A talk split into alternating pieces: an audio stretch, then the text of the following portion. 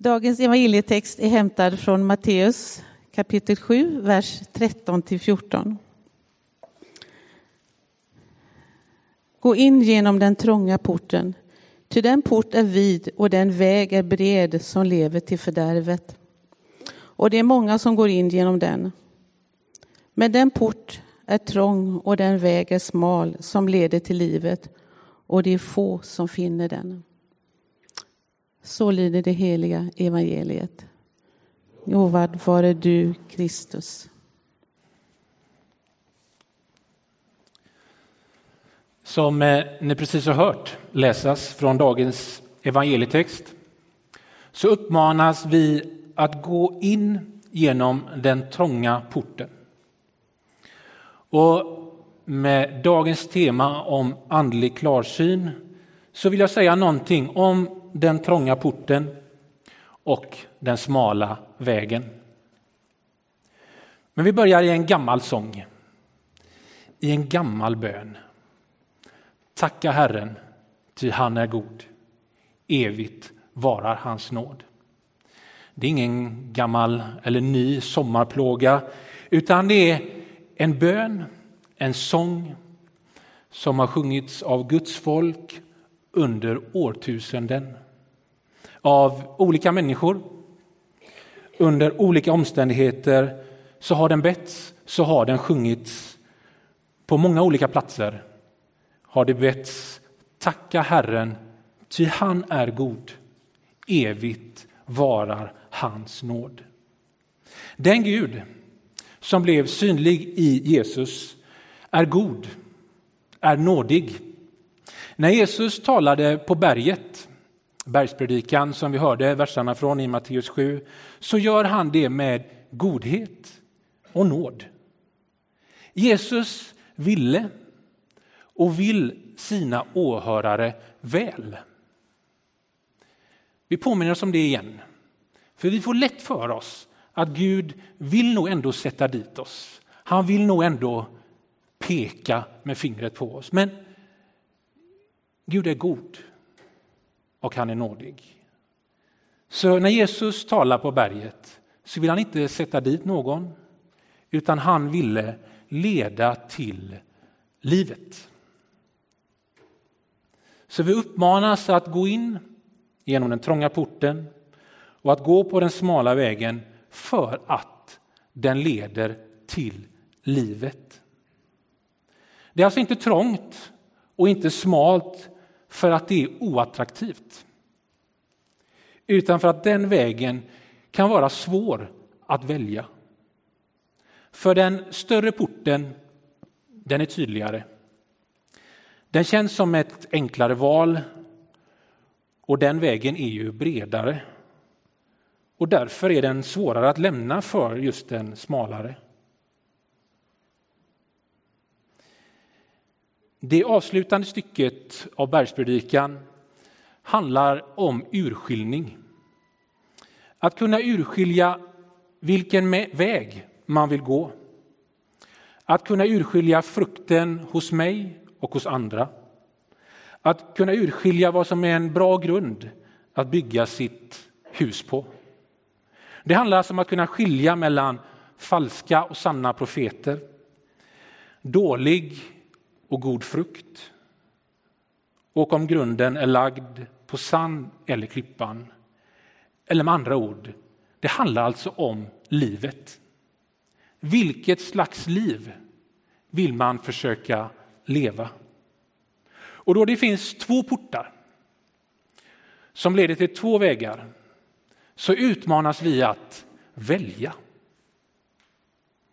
Så dagens påminnelse om andlig klarsynthet handlar om att vi bör vara medvetna om våra val. Att vi kan välja port, att vi kan välja väg. Det valet det gör vi om och om igen genom hela livet. Därför behöver man vara klar över val vi har att göra, att vi väljer. För visst kan livet kännas som att vi inte har något val, att vi inte kan välja. Vår frihet att välja påverkas inte endast av oss själva, det vet vi. Vår fria vilja påverkas också av andras fria viljor och omständigheter. Men i mycket så kan vi ändå välja. Och Jesus kräver inte av oss att vi ska styra över sånt vi inte kan välja. Men eftersom Jesus är god så vill han visa oss en väg som leder till livet. Och Gud är inte en Gud som använder oss som maktlösa marionetter, utan Gud tror på oss. Våra val tillmäts en stor betydelse. Ibland så upplevs möjligheten att välja som kvävande, alla dessa val. Men i grunden så berättar våra valmöjligheter en större berättelse om hur Gud tror på sin skapelse. Så det vi kan få lära oss att urskilja, att vara klarsynta över, handlar alltså om liv. Och det livet, det börjar här och nu. Så Jesu predikan från berget handlar om det Guds rike som redan här och nu bereder ut sig. Vi ska inte minska eller förminska vägen till livet att det handlar om det som ligger bortom döden, utan livets väg är just livgivande. Och eftersom det är livgivande så ställer dig två frågor. Vad ger mig liv? Vad dränerar mig på liv? Och då handlar det framför allt om eftersmaken. Vad ger mig liv? Vad dränerar mig liv? Och jag ska läsa vad Magnus Malm skriver på detta tema. Vad ger liv? Vad dränerar mig på liv? Och så handlar det framför allt om eftersmaken. En erfarenhet kan vara häftig, den kan vara ljuvlig, den kan vara spännande, den kan vara rolig. Men det avgörande kriteriet är den förblivande smaken efteråt. Är det en förblivnad mättnad, tröst, tacksamhet? Eller är det en fadd och drivande tomhet, kanske självförakt, skuldkänslor, tristess? Och omvänt kan en erfarenhet vara smärtsam och påfrestande men en förblivande god smak av tröst, livsmod och hopp. Den här utskiljningen bygger på att jag verkligen tar mina inre signaler på allvar och att jag ger dem tid och inte drar för snabba slutsatser. Att på detta vis övergå från att drivas av stundens snabba impulser till att eftertänksamt lyssna till och pröva den efterblivande, den förblivande smaken. Det är en livsavgörande förändring i en människas liv. Det är från den punkten jag kan börja välja en djupare mening. Så vi får försöka lyssna till och pröva den förblivande smaken på frågan vad ger mig liv? Vad dränerar mig liv? Boken som jag läste från den heter Ett hjärta större än världen. Jag tänker att det är en väldigt bra titel på bergspredikan. Där, för det är Magnus Malms ambition att försöka berätta om hur man kan följa Jesus enligt bergspredikan. Så läs gärna den boken, den är fantastisk. Det liv som Jesus bjuder oss in till har en vackrare och större dröm än världens. Världen som ofta leder till fördärv. Världen står ofta för kortsiktiga perspektiv, egoistiska drivkrafter, maktens alla olika frestelser och att den starkaste och mäktigast vinner och dominerar och till slut slår ut den svage och den annorlunda. Som ni förstår så är det krafter som ingen av oss är immun emot, utan alla våra hjärtan låter lätt blodet pumpas ut från den kammaren. Porten till de krafterna är vid och vägen är bred. För världens alla krafter, de är aktiva, de är starka och ständigt fylls det på mer blod för att driva på. Men så finns det ett annat hjärta. Ett faders hjärta som vill något annat med sin skapelse. Ett hjärta som är större än världens.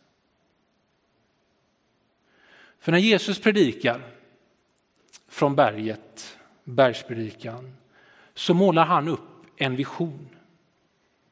Och sen den dagen så har människor drabbats av det sättet.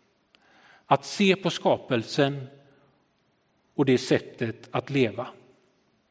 Och även vi kan välja det sättet. För Guds hjärta är större än alla världens krafter. För hur skulle kunna Jesus annars kunna säga att, att det är de som är fattiga i anden som tillhör himmelriket? Och du och jag, vi kan välja att gå in i den trånga porten och börja gå den smala vägen. Det grekiska ordet för port som just här har använts för att återge Jesu bergspredikan leder tankarna till en stadsport eller en tempelport. Det fanns olika portar. Och vi kan förstå Jesu dröm, Guds rike, som en stad. När det berättas om den sista tiden i Uppenbarelseboken så är det som att när Guds godhet och nåd helt och fullt griper in i den här världen så beskrivs det som, porträtteras det om som en stad som kommer ner från himlen full av Guds härlighet. Och vi bjuds redan nu in i att vara en del av att bygga den staden. Att låta godhet och nåd präglar våra liv, de människor vi möter. Och då får vi se hur Guds härlighet redan här och nu tränger in i den här världen.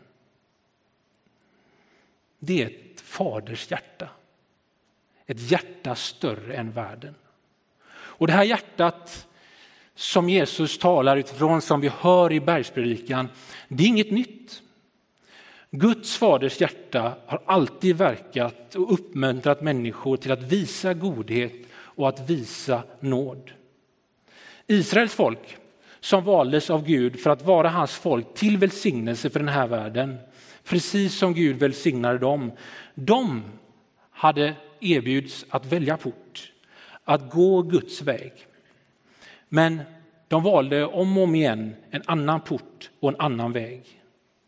Och så är fallet när Jeremia får uppgiften att tala till sitt folk.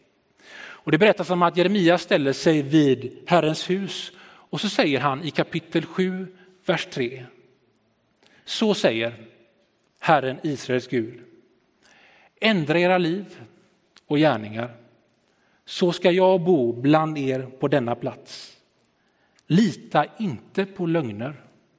Här är Herrens tempel Herrens tempel, Herrens tempel. Men om ni verkligen ändrar era liv och era gärningar, om ni handlar rätt mot varandra, om ni inte förtrycker invandraren, den faderslöse och änkan, inte låter oskyldigt blod flyta på denna plats och inte skadar er själva genom att följa andra gudar, då ska jag bo bland er på denna plats i det land som jag gav åt era fäder från urminnes tid och för all framtid. Men ni litar på lögner som inte är till hjälp. Hör du Faderns hjärta i profetens ord? Som har profetisk skärpa än idag. Gud är ju densamme idag. Och han kallar på oss än idag att välja honom, att välja hans väg. Genom att följa hans godhet och nåd och att handla rätt mot varandra. Inte förtrycka invandraren, den faderslösa och änkan och inte låta oskyldigt blod flyta. Hör du Faderns hjärta? Den profetiska skärpan är lika skarp då som idag. För Gud är densamme, men vi är ju också de samma. Vi väljer ju ofta en annan väg än den som Jeremia profeterade. Och kom ihåg, Gud vill få Israels folk väl. Men så står det att de litade på lögner som inte var till hjälp. Vem kan inte känna igen sig i det? Att lita på lögner som inte är till hjälp. Som Israels folk så följer vi också lätt andra gudar som lovar oss saker men som inte är till hjälp. Det är inte unikt för Israels folk att vara kluvna kring livet, vad man ska välja. Deras kluvenhet är lika mycket vår kluvenhet. Låt mig igen få läsa från Magnus Malm.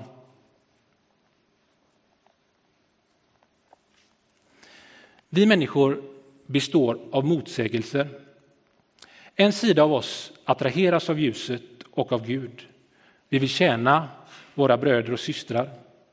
En annan sida av oss ville leva det lössläppta livet, söka ägodelar, dominans eller framgång. Det vill vi bli omgivet av bekräftande vänner som fördriver vår sorgsenhet, vårt missmod eller våra aggressioner.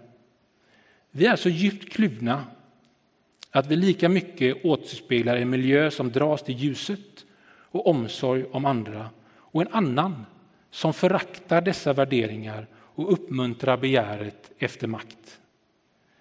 Så länge vi inte är tydliga i vår djupa motivation, så länge vi inte har valt våra vänner och platsen för mognad i ljuset av den, kommer vi förbli svaga och inkonsekventa och vackla fram och tillbaka som vindföljar. Så länge vi inte har valt. Idag får vi igen ta till oss Jesu ord om att gå igenom den trånga porten.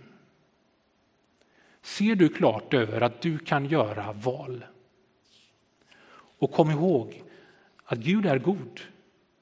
Han är nådig och han vill liv. Som jag sa innan så det här ordet som översattes till port kan vara stadsport eller tempelport. En av de saker som provocerade mest av det Jesus sa var att han, han sa att han skulle riva ner templet och bygga, bygga upp det igen på tre dagar. Folk blev vansinniga. Och det här var ord som man hånade Jesus för när han avrättades. Du har ju sagt det här. Jesus rev inte ner det fysiska templet, men han inte gjorde dess pedagogiska betydelse. Då ingen längre behöver offra eller särskilt söka Guds närvaro i templet, då han återuppstod på den tredje dagen. Jesus var det slutgiltiga offret för människans synd och skuld och Jesus som möter vi Gud. Och detta är ett mysterium. Därför är den porten trång. Inte för att den är oattraktiv, utan för att den kan vara svår att ta till sig. Jesus är tempelporten till Guds gemenskap och närvaro. Jesus är den trånga porten och han är även den smala vägen. Och precis som det var för lärjungarna så är det inte alltid lätt att följa Jesus. Men det berättas om i erfarenheten hos lärjungarna och i tron på Jesu godhet och nåd så berättas det om Petrus att när många människor lämnar Jesus så får de frågan, ska du också lämna oss? Ska ni också lämna oss? Och då svarar Petrus, Herre, till vem skulle vi gå? Du har det eviga livets ord. Vågar du tro på att Gud är god? Han är nådefull och porten är trång och vägen är smal för han vill leda dig till livet. Han som har det eviga livets ord. För mitt på den smala vägen så hade Petrus fått uppleva liv och det livet så fann, fann han hos Jesus. Att Jesu hjärta är större än världen. Det ländar i en gemenskap med honom, han som har det eviga livets ord. Så när vi väljer väg så väljer vi inte först och främst ett sätt att leva eller en moralisk inriktning, utan vi väljer Jesus. Att tro och att försöka följa honom som är god och nådefull mot oss. Så när Jesus uppmanar dig och mig denna söndag att gå in genom den trånga porten så uppmanar han oss att komma till honom, att tro på honom och att följa honom.